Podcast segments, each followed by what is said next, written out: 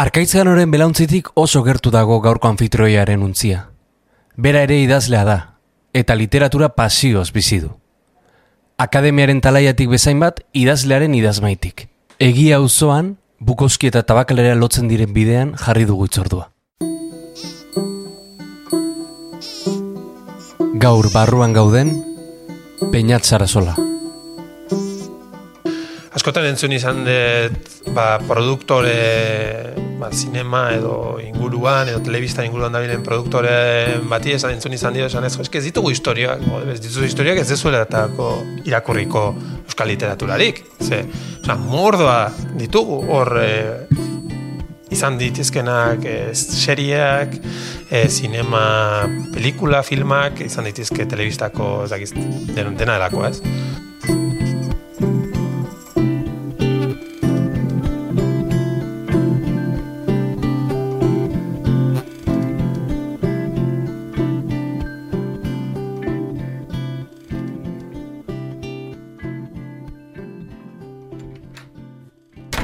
Pasilloa igaro eta sukaldea egongela zein bulegoak leku bera partekatzen dute. Maxar bat, ja nahiko zarra dana, motela, baina ta liburuak inguruan. Ba, idazteko, erabildi behar dituena batzutan, ba, artikuluak idazteko, la, Bai. universidadekoak eta horrela. Teknofiloak konsideratzea? Ez, Ez, ez da. ez, ez. Gero ez da gutxio gainera. Bai, bai. Eta, bai, hause da lantokia. Eta liburu zarrak. Hemen, ah, bueno, hemen goian ditudanak dira ba, iztegiak, hola, referentziazko liburuak, e, filosofiako iztegia, Hmm. euskerari buruzko iztegia, gramatikak, Akademikoen. Olakoak, bai, pizka konsultarako, Bai. eta gero ditut euskal literaturari buruzko euskerazko gehienak e, liburuak ere bai, hor eskura. Eta Biblia ere bai, euskeraz, eta Oso ondo. horiek. Errezatzeko goizetan. Hori da, bai. Eta, ba, zoragarria da, eh, euskarazko Biblia. Bai. Elize, bai, elizen arteko Biblia, jo, zoragarria da, ba, euskara aldetik, hizkuntza aldetik, eta, bueno, Irakurria da kasu. ba, bueno, dena osorik hola hasita buka Biblia ez dut irakurri, baina, bueno, testamentu zarra bai. Pasarteren bat bai? Testamentu zarra osorik bai. Eta goratzen goratzen zu pasarteren bat. Hasita buka. Reberra jarriko jat. E, ze, bueno, goratzen dudana da, hasiera, ez, da igual errexena. E, bueno, nola e, sortu zuen mundua e, jainkoak, eta bai, zati hori da, hola, orentxe buruan daukan, daukadana. Txikitan erlijioko klasetan. Zero, ez, ez. Hori gero, e, literatura ikasi nuenean behartu gintuzten testamentu zarra irakurtzera, eta, bo, ez amutzen egia esan, oso irakurketa derra izan zen. Uste unai elorreak esaten duela, berak egunero irakurtzen duela Bibliako zati bat, edo. Mm. Eta, eta bueno, euskerazko kasuan, edizen arteko Biblia zoragarria da hizkuntza aldetik ere bai. Eta horregatik besterik ez bada ere, interesantea da. Bulego alde batera utzi eta mikrofonoen aurrean eseri gara. Sukaldeko barran. Bat bi, hiru lau, bosei, Gerturatu muturera bai. hemen gaude, Apostutzen naiz. oiarren Eta ziur zure aita ere bai. Hori da, oiarrekin,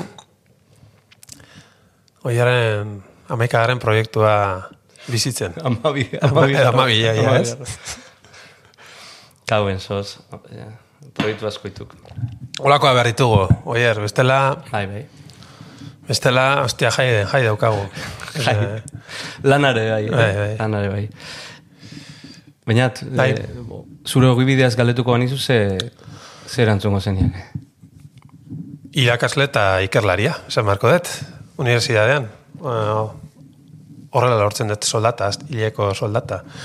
E, e, urteak eman ditut hori gabe, eta badaki zer den ba hori autonomo moduan ibiltzea, eta ibili naiz denbora bat, eta azkeneko, ba, ja, bi urteak, ja, jarnalde osoa, osoan, unibertsitatean EHU nabil, eta bai, ikertzen eta irakasten, eta bueno, hori da nire ogibidea. Eta pasioa literatura. Bai, dudari gabe, literatura. Eta nola, nor, zerk eraman zinitun hortara? Ba, oso ondo ez dakit, baina nahiko, bueno, goiz. Zango nuke, ja, karrera hasi nuenean ikasten, filosofia hasi nintzen ikasten, ba, ordurako goatzen dut konversazio bat eramarekin, eta baina esan niola, bueno, ba, gustatuko litzeiakela, ba, liburuak idaztea, eta horrela, eta esan zian, bueno, bueno, bueno, kendu hori burutik, zu dedikatu ikastera, Eta gero gerokoak, ez? Komertzazio hori etxe askotan eman da. eh? Seguro, bai, bai, bai, olakotan. Eta filosofia ikasi nuen, eta hori ere grazia hundirik etzien egin. Eta, bueno, ba, bai, neko goizetik hasi nintzen literaturarekin. Niko atzen naiz, ba, institutuan nengoela, liburu asko irakurtzen dituen horrela politikoak, eta horran interesa handia nuen politikan, eta marxismoan, eta holako gauzak irakurtzen dituen. Baina nago zen urte bat hor, balako buelta maniola, eta hasi nintzen ja novelak eta idazten, ez? Ordu arte pentsatzen nuen, bueno, hemen alde batetik daude literatura dago alde batetik, eta bestetik benetako gauzak, ez? Politikan benetan eragiten dutenak, ez? Eta horren gauzak kontu politiko serioak. Baina alako batean buelta manion, eta ordutik aurrera hasi nintzen ja literatura batez ere irakurtzen, eta eta ba, gelditu gabe gaur arte. Fikzioak harpatuta. Bai, fikzioak eta poesiak, garaiak, mm. garaiaren arabera, ba, gora berak izan ditut horretan ere, baina bai, e, fikzio irakurle amorratu izan naiz, e, eta, bueno, hortan jarraitzen dut, bai. Militantetzat daukazu zeure burua? Bai. Bai, ez, ez, ez nuke esango, gehiago esango nuke literaturaren militante, e, euskal gintza edo euskararen militante baino. Jakina egiten dudan hori euskaraz egiten dut, ia osoki, Eta, bueno, e, baina bai, militantzia puntu hori ikusten dut, esate baterako proiektu jakin batean, e, ba, munduko poesiako ikaierak izeneko proiektuan, ez, editorea naiz e, bilduma horrena, susak ateratzen duen bilduman, eta hor argi eta garbi ikusten da militantziaen hori, ez, militantzia poetikoa zentzu horretan. Badakit gutxietxia dagoela militantzia politikoaren aldean, baina nik e, balio ematen diot besteak bezain beste, gutxienez. Mhm. Politika interesatzen zitzaizun gaztetan, oraindik ere bai, suposatzen dut. Bai, bai, bai, noski. Eta, eta e, ze urte zan, zu gaztea ze urtetan zinen? Ja, ba, ba, hori, mila bat zehun, dala horita meretzian, hor, aurreko amarka, aurreko mendeko azkeneko urteetan, edo, mm. orduan nintzen gazte, gero ja, hogeita bat garren mende iritsi zen, eta ja. Lizarra garazi apurtu. Bai, horreko, hor. bai, baina gai, gai hortan, ez nuen hainbesteko interesik abertzaletasunean eta horrako kontuetan, e, gaur egun ere ez gehiagi, esan, dena esateko, baina gehiago nengoen politika hori, lehen esan duana, ez? Marxismoa, teoria Bai. politiko, ba, ezkerreko mugimenduetako politika, hori zen gehien interesatzen zitzaidan. bai. Nola, eta nola, izan, nola izan behar du ezkertiar gaur? Ha. Hori da... E, Ba, ez dakit, ez, hainbeste entzun dugu ja krisian dagoela ezkerra, ba, seguraski sinetxi ere egin dugula. Eta ba, egia da, ba, nik nire buruan gaur egun politikoki kokatu behar balin badut, edo zein etiketak e, ez diala unik egiten, eta etiketak usatzen ditu dala, baina nirien ezkertiar da pff, gehien hurbiltzen dena, zailtasun guztiekin, eh? baina bai, hori, hori onartuko nuke agian. Bai, eta beste kezka bada, bueno, iku, aktibo ikuste zaitu sare sozialetan, ez? Eta bagara, ez nire ba naiz aktibo, e, ba, Kataluniari begira didez, e, edo, edo Euskarari begira, edo, baina nola, nola, nola atate zeite gazteleraz ejercer, ez? Baina, Bai. e, nola, nola izan, e, No, aritu, ez? nola aritu e, garen hortan, ez? Ze, ze inoiz baino horrexagoa dela dirudi, ez? Sare, sare sozialetan edo, edo sarean izatea edo aritzea, baina egiazki e, moli- mobilizatzea eta, eta militante izatea e, hori, hori baino gehiago da. Bai, bueno, sai soziala gauza askotan bezala fikziotik asko du. Errealitatetik ere bai, ze gero, mina hartzen dugu, eh, eragiten digu bizitzan, eh, sare sozialetan agertzen denak. Baina era berean, lako burbuila moduko bat ere bada, ez? E, sobredimensionatua dagoen gauza bat ere bada, sare sozialena. Eta hortik kanpo ere bizitza bada, edo noski bada, badela, ez?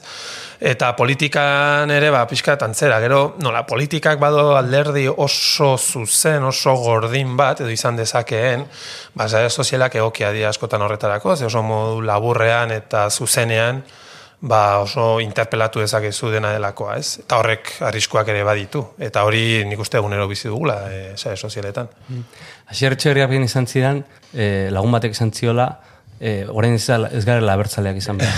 Eta, eta lagun hori zuzinen. ez? Ah, bai? E, bai, Ostras. esan zion, ez, ez, ez gar, e, abertzalea, oain gaizki dago abertzalea izatea, ez? E, berak esate zidan, ez? Nik uste berak zeukala, bueno, ba, kezka bat zeukan, eta, eta goratzen naiz, oso ondo goratzen naiz, txartel hotelean izan zen, Mhm, e, bai. bazkaltzen, eta komentatu zian, jo, bainatek esan, ez dela bertzalea, eta nizu, nola ez dela bertzalea, ez? Eta, bai, Bai, bueno, azteko hasier oso abertzalea zen. Nahet. Eta iaia modu oso e, pasiozkoan edo emoziotik ere bai esango nuke, ez askotan aipatzen zuen bere aitaren euskal zaletasuna, Bai. ez da handik nik uste asko hiltzen ziola, eta ardun bazuen indar abertzale, indar haundia barruan, ez? Nik ez duana, ba, nik ez de bizi horrela, baina seguraski dela bizipen familiar, personal eta askorengatik, ez? Baina esango nuke garai horretan zela, hain justu, batzakit badira urte batzuk, e, ez ni bereziki, baina bazen beste jende bat, ba, ezkerra bertzalearen bueltan zebilena eta lapikot kritikoa izeneko webgune bat Bai. sortu zen, Bai. eta hor sortu zen, i, bueno, planteandu bat nik usteneko interesantea, eh, esaten zena ez, bueno, ba, bertzaletasun klasiko hori edo, ez, identitario esan dezakeguna, eta bar, ba, horta, horri heltzea baino bezala, e, ba, beste artikulazio modua bat bilatzea, ez, independentismotik eta pentsatzea, ba, independentzia dela, ba, azkenean, e, hobeto bizitzeko modu bat, eta e, ez independentzia pentsatzea bertzaletasunetik, baizik, eta izatekotan alderantziz. Bueno, nik hor interesante egin zitzaidan, ez? Ikuspegi hori, eta neurri baten esango nuke Katalunian ere azken urteetan sortu den mugimendua hortik ere baduela. Bai, eta bueno, horrek jakina abertzale de askok ba urduri jarri izan ditu, eta Bai, bueno, interesantea da, ez? Baina, bai, nik ere jarraitu izan dut hori pixkat, ez? Eta baita ere, defendatzea egiten duguna ez, e, euskera salbatzeko e, borroka epiko bat bezala, baizik eta e, e- egiten dugulako, ez? E, garelako egiten dugulako, baina ez- ezer salbatzeko asmoz, ez? Ez dakit, hori ere, Bai. beti badirudi pelikulak egiten duenak egiten duela euskal sinema salbatzeko. Novela idazten duenak egiten du literatura salbatzeko, ez da? bai.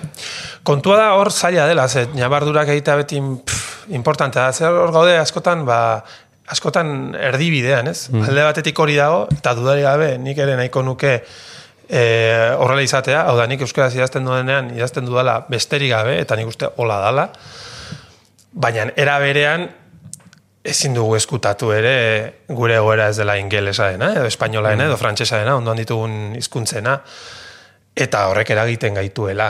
Ez? Orduan, adibidez, duela gutxi arte, Seizar Vitoria, Gramo Seizar Vitoriak ere pixka diskurso hori izan du, ez? Diskurso normalizatzailea, eta duela gutxi irakurri entrevista batean, eta pixkat, ez dakit, e, arraro egin zitzaidan, ez? E, esanten zuen, bueno, ezin degula baita ere gure burua engainatu, ez? Azkenean, ba, bizi garela agian, ba, subalternitate moduko batean, kulturalki eta bar, eta agian hortik ere hori asumitu behar dugula, ez? Neri neko gogorra egin zitzaidan, ez? Hori Ja. e, irakurtzeak. Baina nera beran pentsatzen dut hori ere bada, badagola, ezin dugula ahaztu ere hori. Osea, esan eh, egoera ere, bueno, pues komplexua da eta baina bai, nire, nire joera nagusia da esatea, bueno, nik hemen egiten dudana ez da inor salbatzeko, ez euskara salbatzeko, ez euskal herria salbatzeko. Eta hori, salbatuko bada izango da ondorioz, baina bai, Abesti bat esango idazu. Abesti bat komendatzeko. abesti da gomendatzeko. Bai. Eh, Nikoren de Falconer. Falcon sail at dawn, unlocking flooded silver cages.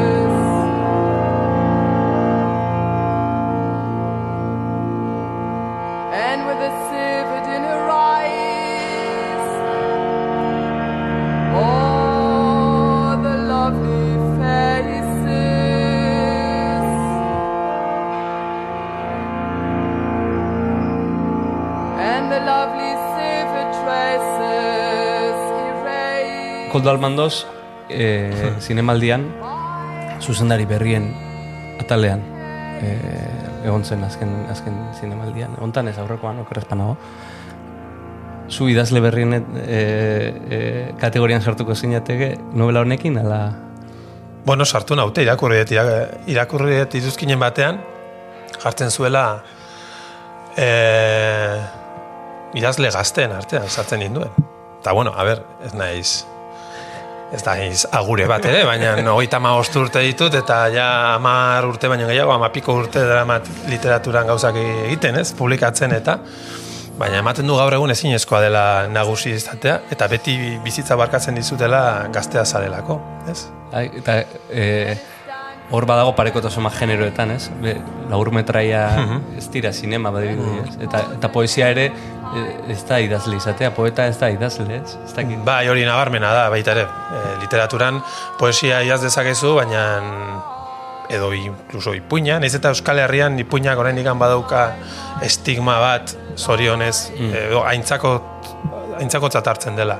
Esan et, e, ipuin gintza, e, beste leku batzuetan baino gehiago, baina egia da novela bat idazten duzunean, ja beste ematen du beste fase batean sartzen zarela, eta ja benetan gauza serioak edo idazten hasten zarela, ez? E, hori badago, eta orduan, ba, nik ere sumatu du liburu honekin, ez? Ba, e, ba, medioek eta ba, pues, kasu gehiago egiten dizutela, noski.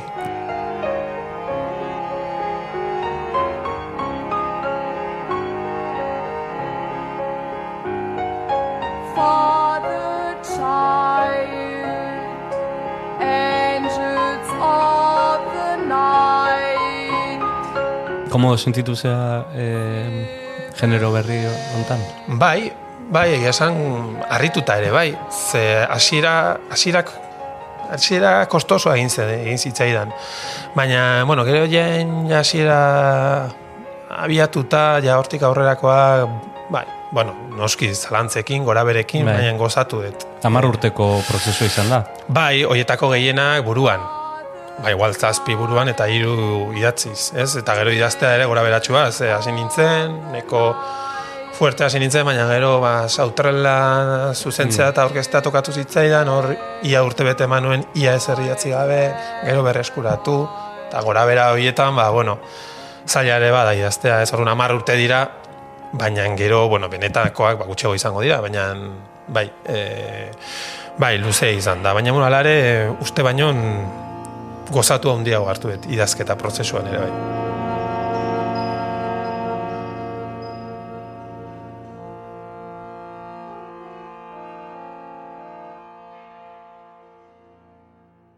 Suposatzen dut, amar urte izan, da, e, eukiko zentuela gora, gora berak, ez? Esan nahi dut, e, zure buruak, konfia, zure buruak konfiantza indartxu euki dezu, ala, ala, ala egon dira, esan nahi dut, horrelako lan bat egiteko, Bai. eta nik esatu dizut, e, bueno, ni, niri dagokidanean pelikularekin gertatu zaidalako, ez? Ba, prozesu luzetan, batzutan esatu zut, ez dakit ni, ez?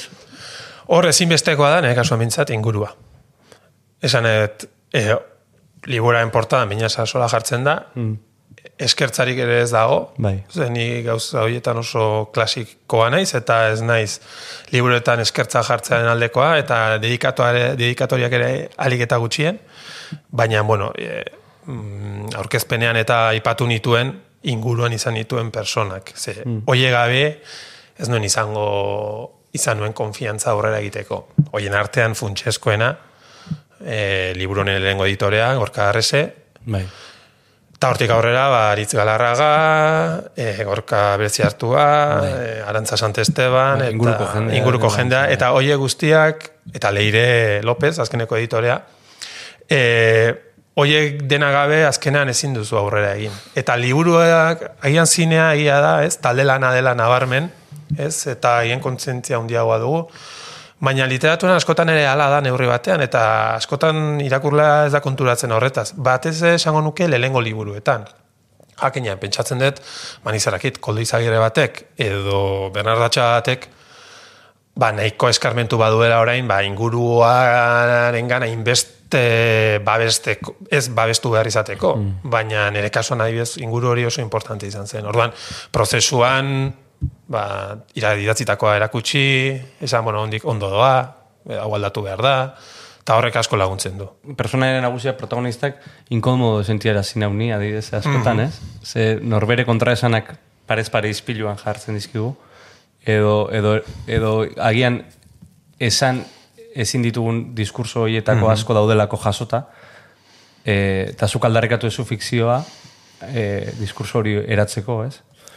Bai, ez, iruditzen zai literaturak egin dezaken gauzetako bat hori dela, ez? E, alegia, ba, mm, gordeta izaten duguna edo izan dezakeguna azaleaztea eta muturren aurrean jartzea. Nik hola ulertzen dut, ez literatura eta esango nuke aratago ere, baita artea ere. Orduan batzutan deseosoa da hori, baina nik pentsatzen dudan ba, idazle haundi batzuengan eta uste hori egiten dutela neurri batean, ez? Ikusi nahi ez duguna mai gainean jarri.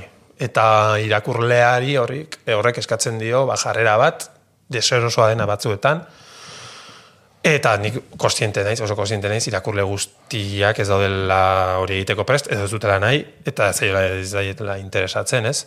Baina nik horretan sinisten dut, eta horrean, bueno, ba, hori da, nire Mm. saiakera honetan edo egin dudana hori izan da, ez? Piskat gauza batzuk, ba, esate baterako, ba, gure historia politikoarekin zer ikusia dutenak, mai gainean jarri, segurazki ezingo nituzkena jarri saiakera batean, ezingo nituzkena jarri zutabe batean, ez? Eta fikzioak ematen du aukera handiagoa nolabait hori modu komplexuagoan eta aberatsagoan edo emateko.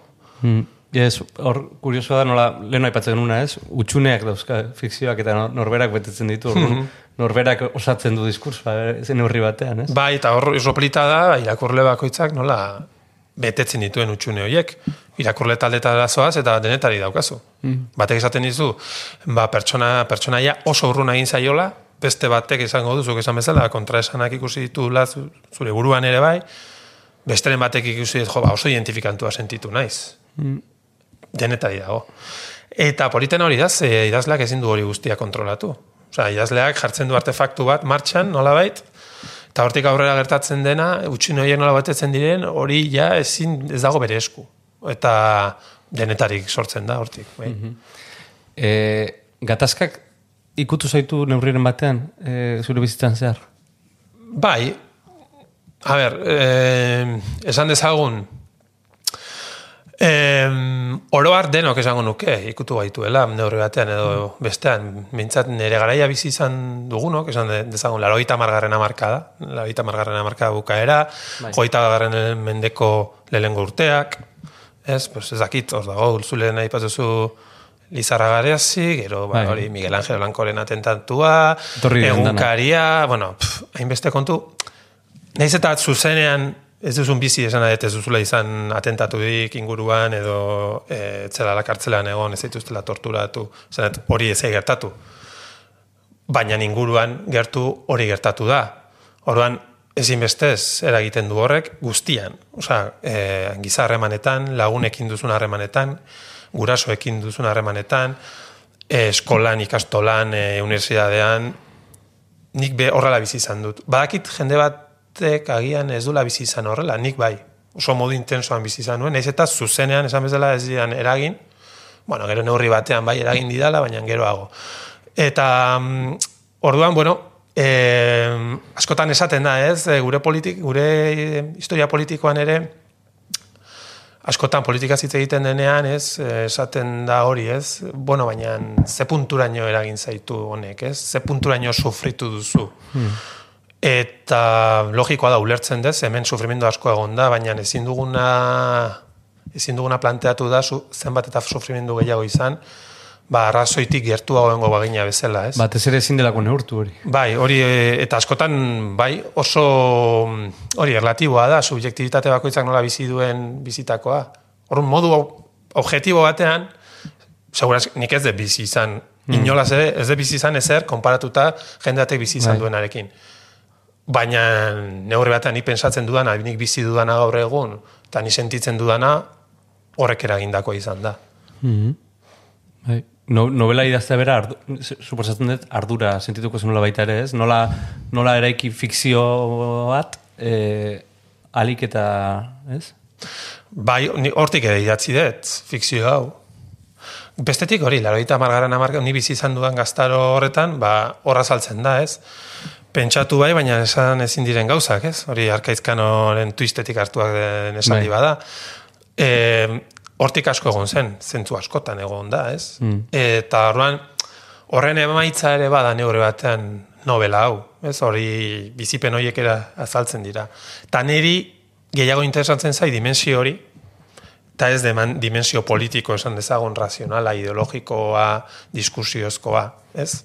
Horre, badago azaltzen da novelan, baina baina beste interesantzen zain neri, ez? Nola eragiten duen subjektibitate horietan, personaia Bai. horietan, no, historia politikoak, ez? Hain gordina izan zena eta hain bizia izan zena, ez? E, badago autokritika ideologiko bat badago baita, ez? Nola bait, e, kolektibo bezala. Bai, nik uste, bueno, noski, eh, autokritika zentzu guztitan. Eske, nik uste gure historia politikoan eh, askotan planteatu izan da eh, historia hau eh, bandoka bezala, ez, eh, bakoitza bere lubakia, batzuk ziren onak, batzuk txarrak, eta gaiztoak, eta bata besteari kontra, eta nik uste gure inguruan, gure ingurune politikoan ez dagoela inor e, lekzioak emateko inori. Osea, uste eta egin dezakegun okerrena da, pentsatzen badugu norbait gai dena beste lekzioak emateko. Eta egin behar duguna da, gehiago autokritikatik abiatu. Eta baina autokritika ez gaur egun badakit eh, politikako debatetan eta asko ipatzen da, ez? Ezker abertzaleari e, leporatuta askotan ba, autokritika egin behar duela, baina ez dut nezerari hortaz, ez? Gehiago, ba, gu bizi izan dituguna, gu egon geran posizioetan, eta zer izan dugun, ez? Ze- Zer, non ez dean egon, egon barginen lekuan, eta hori denok izan ditugu egorak horrelakoak. Eske, egoera hain zen komplexua, eta hain zen bortitza, eta hain zen gordina, e, posizio perfekturik edo impoluturik, hori nik uste ezinezko izan dela azkeneko urtetan. Azkeneko amarkadetan. Orduan nik uste hortik abiatu beharko gineateke humiltasun pixkatekin denok. Eta neurri batean novelak ere hori islatzen duela esango nuke. Bai, ez, buelta man, asko mandizkio nik memoriaren kontuari, ba, beste beste egon nintzelako durangon, durangoko azokan eh, apaizekin, ez? E, Zamoran egon ziren apaizekin, dana larogi urtetik gora, eta oraindik ez dute inungo eh, rekonozimendurik jaso, eh? Bai. Ez erakunden aldetik, eta ez da, segurazki, eh, herriaren partetik ere, askotan ez jakintasunagatik. Ematen du, eh, ba, iruita mesortzitik atzera gert, ez zela ezer gertatu, ez? Bai, E, ez dakite, baina, baina irutze zait, ariketa hori ere oso garrantzitsua dela, ze, e, ba, ba, nik adibidez nire maman pentsatzen dut askotan, ez? Zaten, ostras, erbestean e, bizi izan zen, eta, eta bera bezala beste milaka pertsona, baina inork ez du hori gogoratzen, ez? Badirudi gogoratu hor bakarrikan, azken urtetan gertatu dena, eta gogoratu behar dena, ez? ezin dugu lertu azken hamarkadetako gure bizitza, gure bizitza politikoa aurretik gertatu denarekin ez bada. Ezkenean, abertzaletasuna edo galtzaile izan zen gerran, e, ezkerrekoak, ezkerreko mogimenduak ere bai, anarkistak, sozialistak, komunistak, eta hortik dator etorri den guztia, hori ere bai, hori ez da ez du inolaz ere justifikatzen gero etorri zenak, baina hori ulertzen ez duenak, ba, problema badauka, ez? Eta askotan hori, lehen esan dudan, irakurketa manikeo hoietan, ba, hori azten da, ez? Eta orrun, bueno, hori problema handi bada, ze, bueno, zuk esan duzun bezala, e, jende asko dago, biktima izan dena, eta ez dago ez duela itortzarik izan. Baina duela gutxiagokoak ere bai, ez? Ba, Mikel Zabalza, eta beste, Bai. beste kasu asko daude oso mingarriak direnak, ez? E, Josu Muguruza, e, Bai. esanet, oso mingarriak direnak, e, duela oso gutxikoak, eta, bueno, orduan, ezin esan daiteke, ere, hau guztia bukatu denik inolaz ere. Beste besti bat? Beste besti bat. A ber, ba, bai, venga, Javier Muguruzaren uh, Benino edo Benito. Neretzako esan zuen Luizilon boso Napoleko auzo pobre Bateko umeak. Pertsona historiko Guztien artian Zorion txuena Benino edo benito da. Benino edo benito da. Ondo iruditzen zait Kaligula. Juan Bautista ere gustatzen zait. Bata eroa Ta bestia tontua zirelako. Eta ben literatura. Bai, a ber, hemen egon gelan daukadana da Euskal Literatura narratiba, bai, guztia narratiba da, Bai. Euskal Literaturakoa, eta gero hemen da saiakera, Euskal Literatura eta poesia. Liburutegia tentuz sailkatuta dauka Sarasolak. Liburu bakoitzak dauka bere lekua. Gai bakoitzak bere apala. Eta ja, ba, bira, tarte gutxi gelitzen zait, baina zer egingo zaio. Hor badago estrategia bat, bati baino gehiago entzun didana, ez dut inoiz praktikatu, baina ja ez dakoazunan lekurik, ba, liburu bat erosten duzunean, eta liburutegira sartu behar duzunean, behartuta zaude bat ateratzera. Eta beti liburu kopuru bera izateko. Baina, claro, hori tragedia bada, ez? E, liburuak botatzea ba, ez da bate erresa. Eta momentuz behintzat eutxiko diot. Oain, ez dakidana da, ba, nundik ateko dudan lekua. benitoura Luigi Lombosok erantzun zuen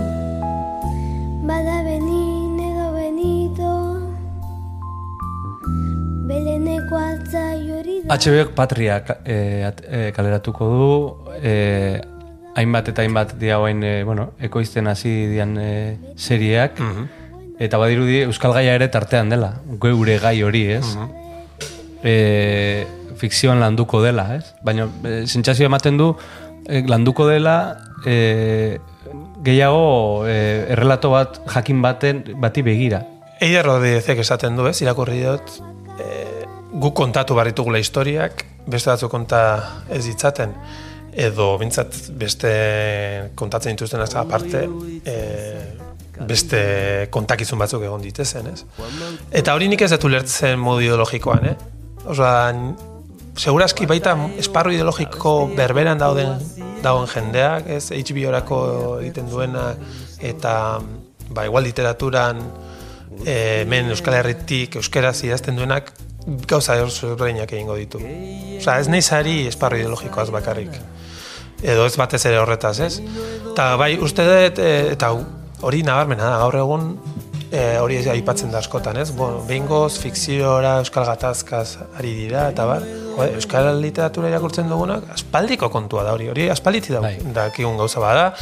Kontakizun mordoa egon dira oso komplexua denetarikoak, eta are gehiago, ni liburu hau idatzi nuenean, eta hamar urte ba, berandutu nintzenean edo komonia artean, nik eh, pentsatu nuen izan zen, jo, erakurle asko esan gute, beste liburu bat gatazka madarikatu honi buruzkoa. Ja, jendea, goaikututa egongo da. Baina liburua ez da gatazkari buruz. Ez, baina, ba, ekizu titularretan eta ba, kontestua. kontestuak hain pixu, hain pixutxua den, ba, hori pentsatzen nuen, ez? Esan zezakela irakurle batek. Neri hori guztu zegeena. Mm. hori izan da neri, e, ez dakit, e, irakurtzen, bueno, aziratik bukarara di- disfrutatu dut, ez? Baina, baina ez dala gaia gatazka. Gatazka da kontestua eta hor gertatzen Bai. dira beste amaika gauza, ez? Harreman personalak, harreman e, lagun arteko harremanak, dana... Bai. E, Bai, posten nahi, zala izan bada, ze hori zen nik buruan nuena, baina, bueno, azkenean gatazka gainbesteko indarra dunez, ba, ematen du ia dena e, kontaminatzen duela, ez, komila artean esan da. E, baina hori kezka hori ba nuen, ba, ordea ematen du, ba, es- esan dezagun Euskal Herritik kanpo, saltzen dutena da, behingoz, bai, ez, ni pentsatzen da zan hori, bengoz masiboa izango dala kontua. Ez? Ezen, patria masiboa izango da segurazki. ez? izan da, ja, bai. Bai. Bueno, liburua Eh, izan, liburua da, izan da, eta orain eta- HBO, Bai. Are Bai. masiboagoa.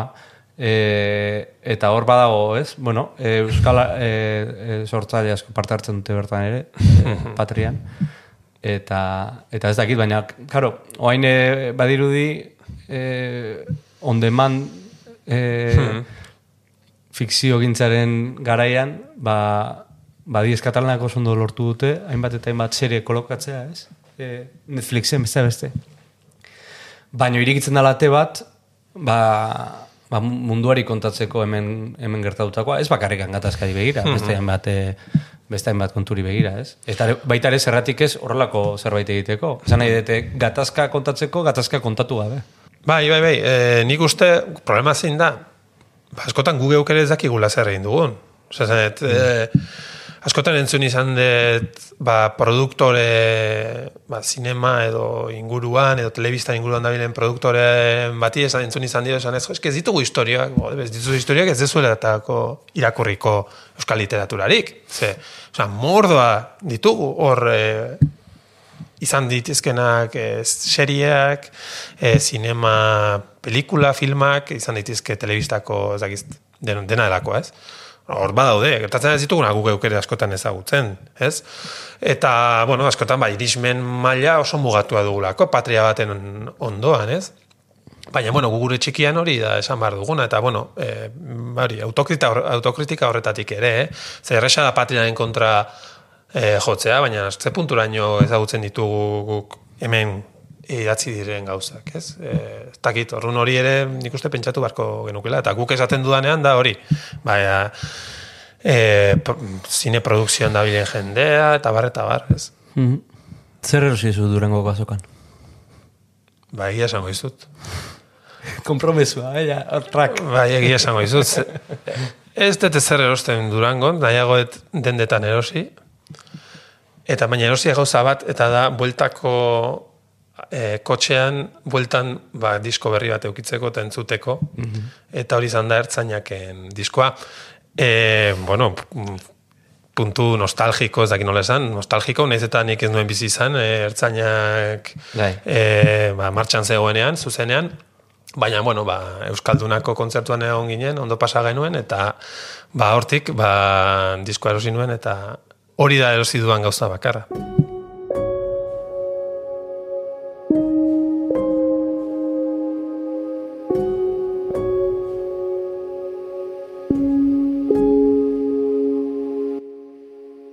Eta telebista erraldoi bat, hori... Eh, Bai. Baina, telebista asko ikusten duzu. Ez, bueno, duela bi urteko kontua da, lehen ez nuen telebistarik.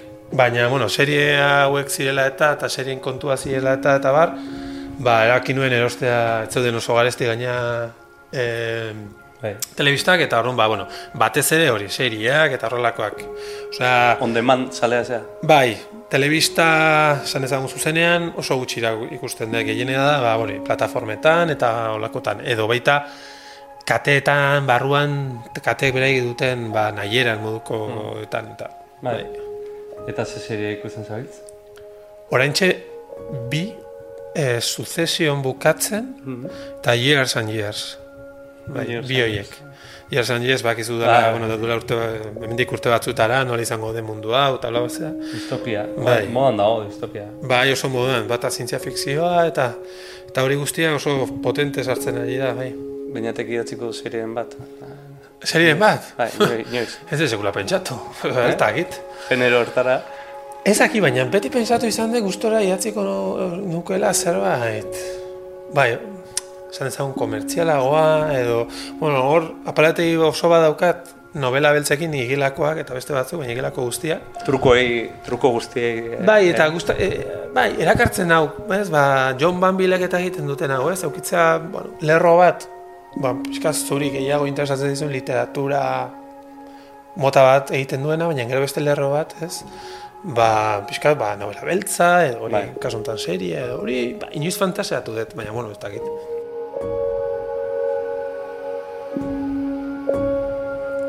Zautrelako aurkezle izan zinen, denbora batez, e, asierrek utzitakoan, eta horren ostean artefaktu etorri da, baina e, EITBek badoka olako utxune nabarmen bat e, sor, sortzailei begirakoa, literaturari begirakoa, musikari begirakoa, askori egin diet galdera hauta da, nolako ETB e, behar du? Ba, zaila zait, ez naiz ikusentzunezkoetan ez aditua, ez bereziki pentsatzu duan, pentsatzen duan persona bat, horren inguruan. Hmm. Baina, bai, bai ikusten dudala hori. Esan duzu ez, em, programa falta diela sortzailei begira, baina esango nuke baita ikuslei begira ere, ez, ez ziur naiz. E, jende mordoa dagoela e, interesaturik, e, bazakit, zineari buruzko programa duin bat, on bat, e, egon dadila, ETB-en, edo musikari buruzkoa, edo, ez dakit, arte eszenikoi buruzkoa, edo arte visualei buruzkoa, eta bar, eta bar. Eta nik uste hori bintzat euki barko genukela. Best, nik ez dut ukatzen beste e, gauza asko, telebista, telebista dela eta dena hori badaki guztiok, Bai. baina hori ere egon beharko litzatekela iruditzen zait. Eta oso maila mugatuan izan daukagu ETB-n, izan dugu azken urteetan. Eta horrekin lotuta fikzioaren kontua ere bai ez, ba, ze telesail gutxi egin diran azken urteetan. Hain justu, telesailaen boom moduko bat egoten ari denean, e, e, bizi izatzen ari garenean mundu mailan, eta euskeraz ez e, ukitzea ezer horren inguruan, neko mingarria da, ez? 2000 eta hogeian, iaia, gaudenean, Orduan, ba, alde hortatik, ba, sensazioa berandu abiltzala gauza askotan, sensazioa ere em, entzule edo ikusle potentziala handia galdu dugula, eta orain berreskuratzea askoz nekoso izango dela. Eta orduan, ba, bai, e, uf, esango izut, ba, ez da iruditzen gaur egun dugun ETB, ba, ETB idealera hurbiltzen denik inolaz ere. Denbora mugatua da, eta zu irakurle, e, a, suposatzen dut asko irakurtzen duzula, nondik ateratzen zu e, hortarako tartea? Jo, ba, azken bolan, nahi, baina, de, xente gutxiago, eh? Baina, bueno, eh, a ber, eh, normalen jendeak esaten du, gauen irakurtzen duela, nik gauen ez dut irakurtzen. Ze, horri bat edo bi irakurtzeko gai naiz bakarrik, gero ja bere lo hartzen dut. Orduan egunean zehar irakurtzen dut. Egunean zehar, e, aldudan denbora tarte guztietan, ba, baita unibertsitatean bulegoan nagoenean ere, eta ez dagoenean inor inguruan, ba, irakurtzen ibiltzen naiz. Naiz eta ez den igual zuzenean erikasgaiekin zerikusia duten gauzak, ez? Baina gauza bat ikasi nuen oso garrantzitsua, Bartzelonan ikasi nuenean literatura, eta izan zen, edo zein literatura ikerle edo literatur zalek, lehenengo gauza egin behar duena da, eta bere oinarri izan beharko litzatekena da, irakurtzea fikzioa, irakurtzea poesia, eta ez irakurtzea horren inguruko teoria. Eta batzutan, ba, ikerlariok, eta e, ba, literaturan interesa dugunok, batzutan obsesionatzen gera beste mota batetako irakurketekin, baina nik argi daukat, eta gaina hor gozatzen da gehiena, ba, sormenezko lanak direla interesatzen zaizkianak. Eta oinarri hori duen persona batek aukeratu behar du zer irakurreta zer ez? Bai. Eta hor zaila da, ze azken urteetan, nola, bueno, ba, sautralan eta artefaktuan eta ibili izan, bueno, artefaktuan ez, sautralan ibili izan nahi zenez, hor, ba, ba, astero irakurri behar izaten un liburu bat, gutxienez, edo liburu terdi. Eta hor markatzen zuen egunerokoak. Gaur egun auk, askatasuna handiagoa daukat. Hor, nahi dut, nazioarteko lit- literatura gehiago irakurtzen dut lehen baino, baina euskal literaturako gauzak ere jarraitu nahi ditut. Baina denerako denbora ere nekez. Eta gainera esango nuke azken urteetan euskal literaturan ba oso liburu interesgarriak argitaratu diela, eta hor daukat pila bat, e, azkeneko, azken hilabetetako liburuekin, eta eta ez da murrizten. E, munduko poesia kaierak proiektuak ere aukera eman dizu segurazki e, bueno, gustoko lanetan aritzeko, eh? Bai. Bai, bai, proiektu zoragarri izan zen, izan eta da, oraindik noski. Baina, bueno, martxan jarri genuenean, ez? Oso modu ambizio, ambiziosoan gainera, ez? Urtean sei kaiera atzen genituen, orain ja lau urtean. Eta, bueno, lan handia, ez genekien ere, jo, itzultzaileak lortuko genituen, hainbeste itzultzeko, baina, jo, alde horretatik zoragarri izan da. Eta hor ikusten da, orain militantziaren kontu hau. Hain zuzen, zenba jende dagoen prest, itzultzaile, poeta, e, denarakoa, e, xosi gabe edo ia xosi gabe itzultzeko, ba, gustoz, uste dutelako poet, dena delako poeta euskeraz egotea interesgarria dela, eta horren alde horretatik proiektu hori zoragarria da, eta alde horretatik bai lenguak egin lotuz, uste ez gara zertan lotxatu behar olako proiektu bat izateatik, arpideuna, arpideunak izateagatik, ze bestela ez litzateke bidegarria izango, eta ba, bere proiektu txiki xume bat izateatik eta militantzian oinarritua. Ze horren alternatiba da ez ez eukitzea ezer. Horren horren konsiente ere izan bar gera, ze hori gertatu izan zait oso kasu bakaneta, baina itzultzaileren batekin, ba, kanpoan bizi dena eta kanpoan egin duena bere ibilbide guztia, ez duena ulertzen. Ez duena ulertzen nola den posible bilduma bat egitea, ba, itzultzailei beren, tarif, beren tarifa estandarren baino askoz berago pagatuta. Baina, karo, urak ulertzen ez duena zein den gure egoera, ez poesia euskeraz argitaratzea dena. Eta arrun, bueno, hor, hor ere bada, ez, militantziaren indarra gabe, indarri gabe, ba, munduko poesia kailerak ezinezkoak izango lirateke. Poesia idazten jarraiten duzu? Bai, baina oso tarteka, oso gauza solteak, eh, proiektu bat euki gabe buruan. E, bai, eta nire kasuan uste dut, el, bueno, inoiz esan detau eta norbait gaizki hartu du, baina uste batez zen, eh, lehenengo liburu irakorri idatzi nuenean poesia izan zela, ez, nu, ez nuelako baliabiderik beste zer egiteko ganoraz, eta poesia jakina oso komplexua izan daiteke, eta da, eta mm, poesia kaileretan ateratzen ditugunak alakoak dira, Bai. baina poesiak ere aukera ematen dizu baliabide gutxirekin, bueno, ba, esan nahi duzun hori esateko beste modu batera. Eta orduan ba, nik uste nire lehengo liburua hor- hortik idatzi izan zela. Eta hortik aurrera, ba, bueno, e, idazten jarraitu nuela. Eta, bueno, poesian bai jarraitu dut idazten, zeo zer badaukat, baina, bueno, momentuz publikatzeko asmorik ez. Itzuliko da beste hizkuntzaren batera deklaratzekorik ez? Bueno, ba, oraintxe bukatzen ari da Angel Erro, dena ondo badoa, gaztelerako gaztelera itz, itzulpena. Nahiko nuke katalanera ere e, argitaratzea, ba, beste, beste, ba, ia bost urte manitulako Bartzelonan, angola gauna ditu dalako, eta, bueno, ba, uste duelako, katalanez ere egon beharko litzatekela. Ez dakit lortuko du- dudan, baina, bueno, saiakera bintzat egingo du. Eta gazteleraz ar argitaratzailerik badu- baduzu? Oraindik ez. Horren hori, claro, hori da beste kontu bat, ez? Ba, mm, etzeanean inor, ba, lehenengo itzulpena auki behar duzu, azteko mugitzen argitaletxeetatik, ea norbait interesatua dagoen. Bueno, inor, inor, eh, ñat, nor, Bai, bai, espera. Hamabost urte azkazu, eta Bai. zure ibilbidea kasu. Ah, bueno, bai, etzeanean inor esan dut, Bai. eh, Euskal Herritik kanpo. Euskal Herrian eh, asko ez, baina, bueno, bintzat, eh, zeo zer, baina kanpoan, Bai, ez zaituenean inork ezagutzen, ba, karo, liburu gabe nork argitatuko izu itzulpen bat referentziari gabe, ez? Horrun behar duzu aurretik itzulpena izan, ez? Eta hortik aurrera hasi mugitzen, ba, ia, ia, ba, original bat izango baliz bezala, ez? Orduan Hori, hori du.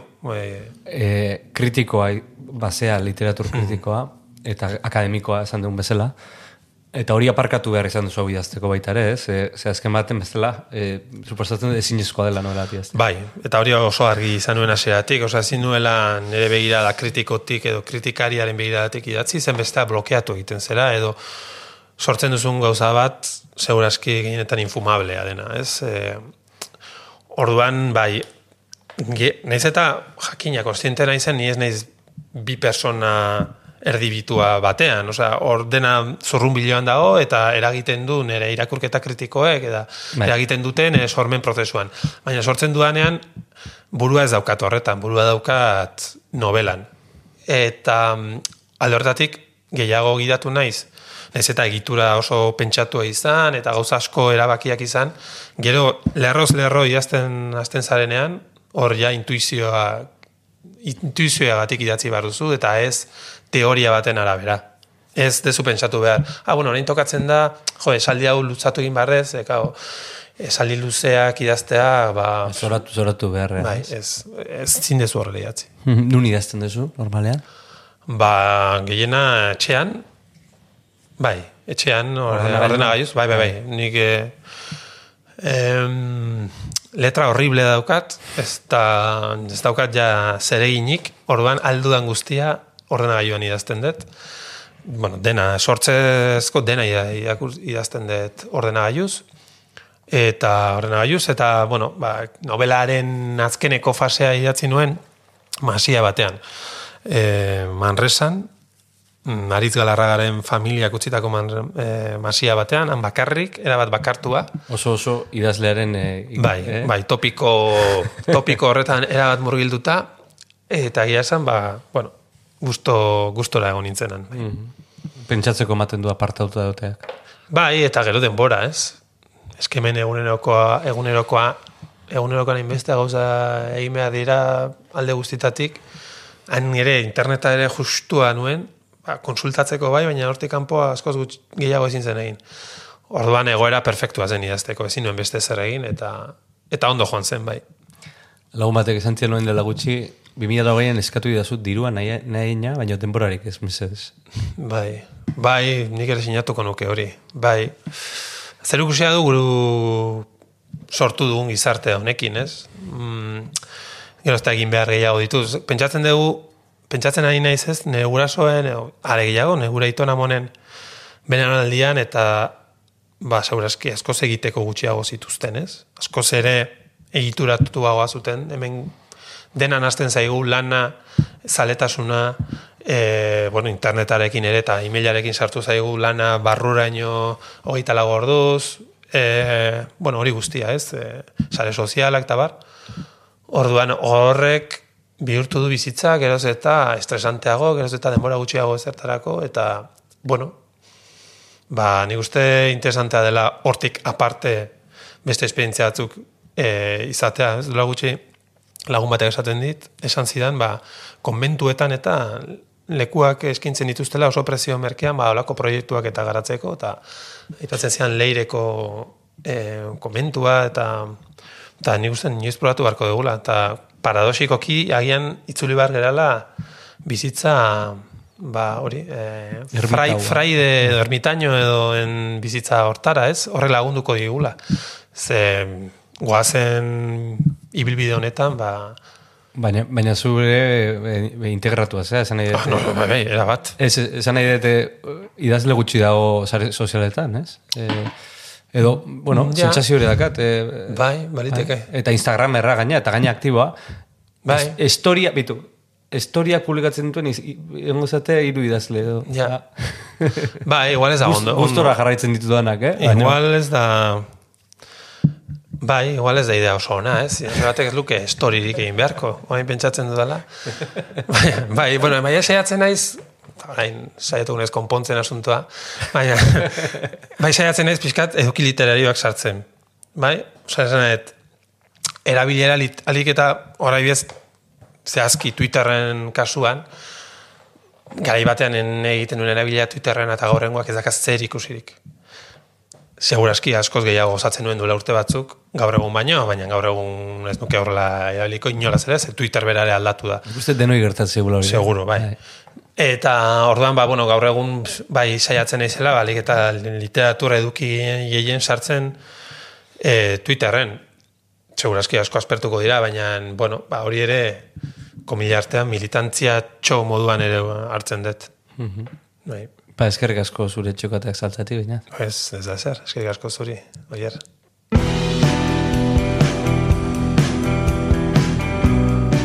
Zaiak beste bat. Beste bat? Bai. Beste beste bat? Bai, ez dira jarriko ah, gautza, eh? Zartuko vale. jata beste hori bukatzeko. A ber. Hola goratuko jat. Batzi pentsatzen... Ba, bai, anariren epilogoa. Yes, guzien artean Utako bakoitzak aukeratua du berean Eskerrik asko entzule, eskerrik asko arpide dun, bestaldean egotegatik Aste honi eri ekin diogu, eta datorren astean gehiago. Urrengor arte. arte.